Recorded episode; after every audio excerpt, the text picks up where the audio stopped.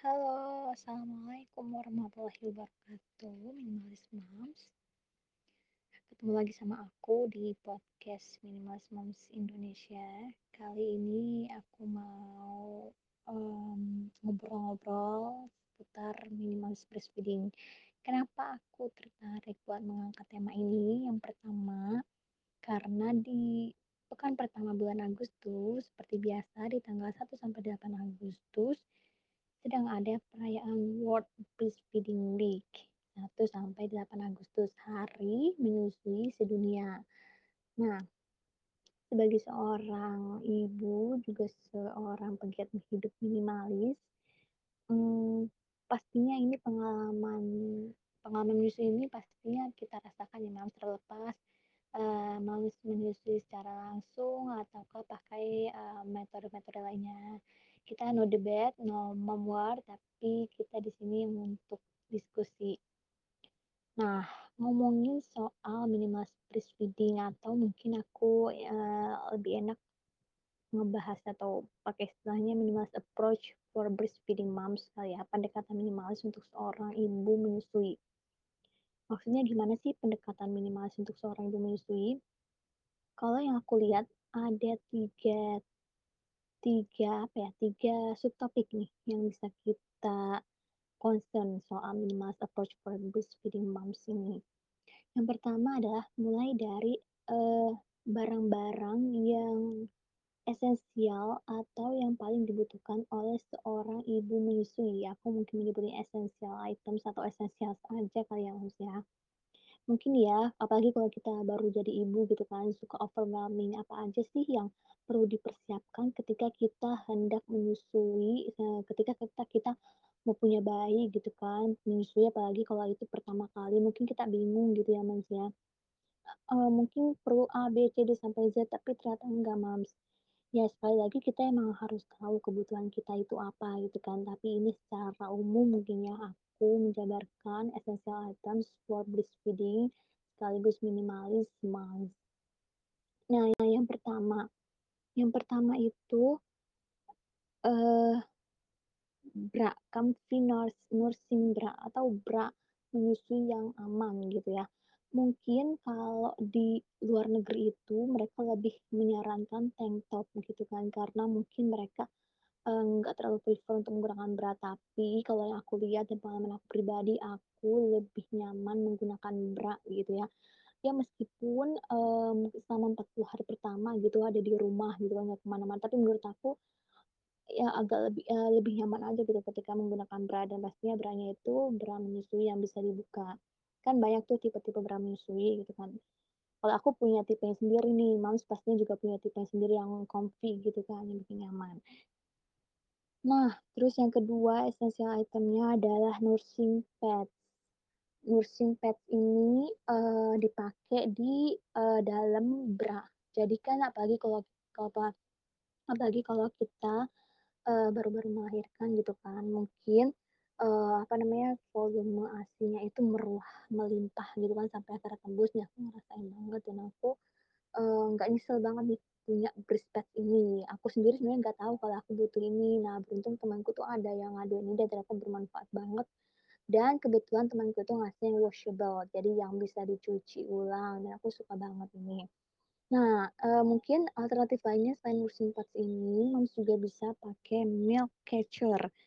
Uh, aku pribadi sih nggak pakai, uh, milk catcher ya. Jadi aku, um, kurang tahu nih, maksudnya kurang bisa merekomendasikan juga, tapi menurut aku antara nursing pads sama milk catcher itu bisa pilih salah satunya.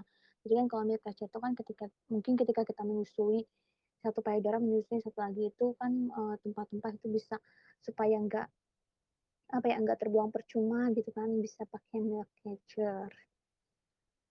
Nah, terus yang ketiga breast pump. Nah, uh, mungkin kalau kita baca-baca literatur tentang uh, manajemen ASIP atau uh, apa namanya um, seputar ibu menyusui gitu kan, setiap ibu itu dianjurkan punya breast pump terlepas dia itu working mom atau full time mom. Kenapa? Karena kita nggak pernah tahu ya Mas apa yang akan terjadi kemudian di kemudian hari gitu kan. Itu yang pertama. Siapa tahu suatu saat kita ternyata nggak bisa menyusui langsung gitu kan, sedangkan si bayi itu masih butuh ASI kita. Nah, kita bisa pakai ASI yang udah kita perah. Yang kedua, mmm ini berkaitan sih sama, mmm, apa ya istilahnya ya, manajemen ASI.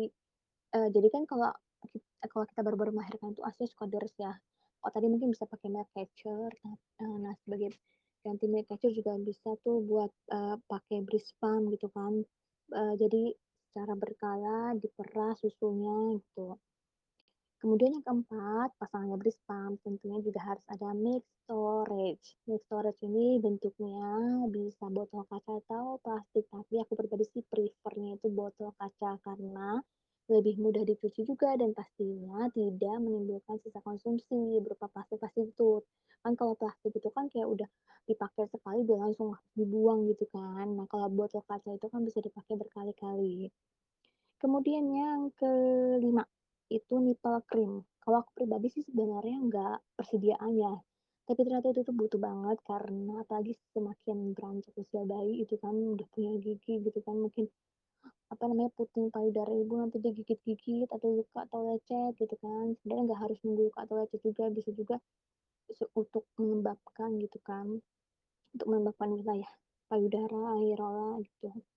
Kemudian yang keenam adalah healthy snack. Kenapa aku, eee, highlight healthy-nya itu, karena mungkin kadang kita suka lupa gitu kan ngomongin snack kita cuma kepikirannya, oh snack kentang, snack keripik, snack yang nggak sehat. Kenapa kita nggak coba untuk konsum healthy snack kayak misalkan granola atau biji-bijian dan lain sebagainya.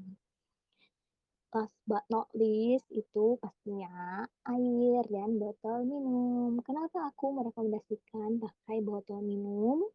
Supaya kita bisa tahu konsumsi air kita di hari itu berapa gitu kan, dan kita juga bisa pasang target kita harus konsumsi air berapa, meskipun memang secara naluri kalau udah jadi ibu menyusui tuh kayak bawaannya tuh pengen minum minum terus gitu kan. Eee, kalau tadi kita ngomongin essential items, subtopik yang kedua adalah breastfeeding wardrobe atau pakaian-pakaian khusus ibu menyusui. Sebenarnya kita highlightnya tuh menurut aku cuma 2 ya, pakaian yang modelnya itu setengah kancing, eee, atau setengah resleting atau seluruh resleting atau seluruh kancing. Intinya bagian dadanya itu bisa dibuka lah gitu. Mungkin sekarang juga banyak ya modelnya itu bolong-bolongan gitu kan, jadi ada yang model bolongan, ada yang model resleting atau kancing. Itu penting banget pakai baju model kayak gitu untuk ibu hamil, eee, dan ibu menyusui.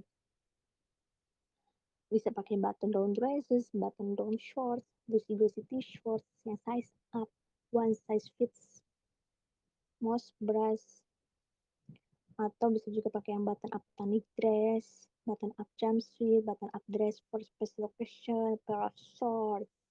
Itu rekomendasinya aku dapat dari readingmytips.com. Nah, yang terakhir soal mindful breastfeeding. Jadi bagaimana kita menyusui dengan bijak gitu kan. Dengan sadar, hadir penuh, sadar utuh. Nah, ini tuh dibahas di eee, ada bukunya juga, cuman ini aku mau salah satu website, the dreamworldcompany.com. Mindful breastfeeding is the practice of breastfeeding using tools, techniques, and lactation support to help parents to feed and connect with their baby in a relaxed, calm, and fulfilling way. Mindful breastfeeding is a practice short with your baby. It isn't something one gets right immediately. Jadi emang perlu koneksi antara ibu dan bayi, bukan cuma salah satunya aja. Nah, gimana sih tips-tips melakukan mindful breastfeeding itu? Yang pertama, create a calm and quiet environment without distracting. Artinya, ciptakan situasi yang kondisional, yang tenang, yang nyaman juga pastinya buat ibu dan bayi. Dan pastinya nggak mengganggu. Yang kedua, practice relaxation breaths. Nah, ini artinya adalah mempraktikkan relaksasi nafas, jadi atur nafas supaya rileks gitu. Yang ketiga, listen to calming music. Mungkin setiap orang preferensinya beda-beda ya, ada yang suka dengerin musik, ada yang enggak, tapi memang biasanya musik itu eee, bisa menenangkan atau buat yang muslimah bisa mendengarkan murotal gitu kan. Yang keempat, using the power of your senses to explore contact with your dream baby as you feel is an important tool. Jadi, manfaati panca indera kita, sense kita untuk berkomunikasi dengan lebih baik. Lewat tatapan, lewat sentuhan, sentuhan fisik gitu kan. Kita manfaatin panca indera kita untuk sadar penuh dan hadir utuh. Yang kelima, avoid covering the baby during feeding. Nah, ini sebisa mungkin tidak menutupi bayi dengan covering gitu ya. Jadi menghalangi antara pandangan kita dengan si bayi. Gitu kan. Makanya tadi aku nggak merekomendasikan nursing cover ya. Lagi-lagi sesuai kebutuhanmu sih. Dan yang terakhir, sending love and kindness by resetting a calm mental and our mind. Jadi kita ngomong aja ngobrol baik. Meskipun ya mungkin emang dia udah ngerti gitu kan mungkin kita berpikir gitu tapi bayi itu sebenarnya mendengar sama misalnya masuk ke alam bawah sadarnya dia gitu kan kita bisa sampaikan apa ya doa-doa buat dia gitu kan atau kata, intinya kata-kata baik kata-kata positif gitu kan selama kita menyusui yang akan dia dengar dan masuk ke alam bawah sadar dia Oke, okay, mungkin itu ya, Mam, seputar minimal breastfeeding atau minimal approach for breastfeeding, breastfeeding moms. Mungkin last but not least, aku mau share nih quote dari Sarah Bhakti. Breastfeeding reminds us of the universal truth of abundance. The more we give out, the more we are filled up. And that divine nourishment, the source from which we all draw, is like mother's breast, ever full and ever flowing. Oke, okay, thank you for listening, Mom. Semoga bermanfaat. Jangan lupa untuk follow podcast kita dan juga Instagram kita at minimalsmomfood.id. Sampai jumpa di podcast berikutnya.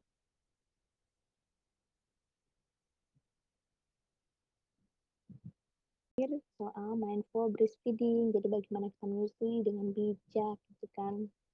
Dengan sadar, hadir penuh, sadar utuh. Nah, ini tuh dibahas di uh, ada bukunya juga, cuman ini aku mau salah satu website the dreambirdcompany.com Mindful breastfeeding is the practice of breastfeeding using tools, techniques, and lactation support to help parents to feed and connect with their baby in a relaxed, calm, and fulfilling way. Mindful breastfeeding is a practice short with your baby. It isn't something one gets right immediately. Jadi emang perlu koneksi antara ibu dan bayi, bukan cuma salah satunya aja. Nah, gimana sih tips-tips melakukan mindful breastfeeding itu? Yang pertama, create a calm and quiet environment without distracting. Artinya, ciptakan situasi yang kondisional, yang tenang, yang nyaman juga pastinya buat ibu dan bayi. Dan pastinya nggak mengganggu. Yang kedua, practice relaxation breaths. Nah, ini artinya adalah mempraktikkan relaksasi nafas. Jadi atur nafas supaya relax gitu. Yang ketiga, listen to calming music. Mungkin setiap orang preferensinya beda-beda ya. Ada yang suka dengerin musik, ada yang enggak. Tapi memang biasanya musik itu uh, bisa menenangkan. Atau buat yang muslimah bisa mendengarkan murota gitu kan. Yang keempat, using the power of your senses to explore contact with your dream baby as you feel is an important tool. Jadi, memanfaati panca indera kita, sense kita untuk berkomunikasi dengan lebih baik lewat tatapan, lewat sentuhan, sentuhan fisik gitu kan. Kita manfaatin panca indera kita untuk sadar penuh dan hadir utuh. Yang kelima, avoid covering the baby during feeding. Nah, ini sebisa mungkin tidak menutupi bayi dengan covering gitu ya. Jadi menghalangi antara pandangan kita dengan si bayi. Gitu kan. Makanya tadi aku nggak merekomendasikan nursing cover ya lagi-lagi sesuai kebutuhanmu sih. Dan yang terakhir, sending love and kindness by resetting a calm mental and our mind. Jadi kita ngomong aja ngobrol baik. Meskipun ya mungkin emang dia udah ngerti gitu kan mungkin kita berpikir gitu tapi bayi itu sebenarnya mendengar sama misalnya masuk ke alam bawah sadarnya dia gitu kan kita bisa sampaikan apa ya doa-doa buat dia gitu kan atau kata, intinya kata-kata baik kata-kata positif gitu kan selama kita menyusui yang akan dia dengar dan masuk ke alam bawah sadar dia Oke, okay, mungkin itu ya, Mam, seputar minimal breastfeeding atau minimal approach for breastfeeding, breastfeeding moms. Mungkin last but not least, aku mau share nih quote dari Sarah Bakti. Breastfeeding reminds us of the universal truth of abundance. The more we give out, the more we are filled up. And that divine nourishment, the source from which we all draw, is like mother's breast, ever full and ever flowing. Oke, okay, thank you for listening, Mom. Semoga bermanfaat. Jangan lupa untuk follow podcast kita dan juga Instagram kita at. Sampai jumpa di podcast berikutnya.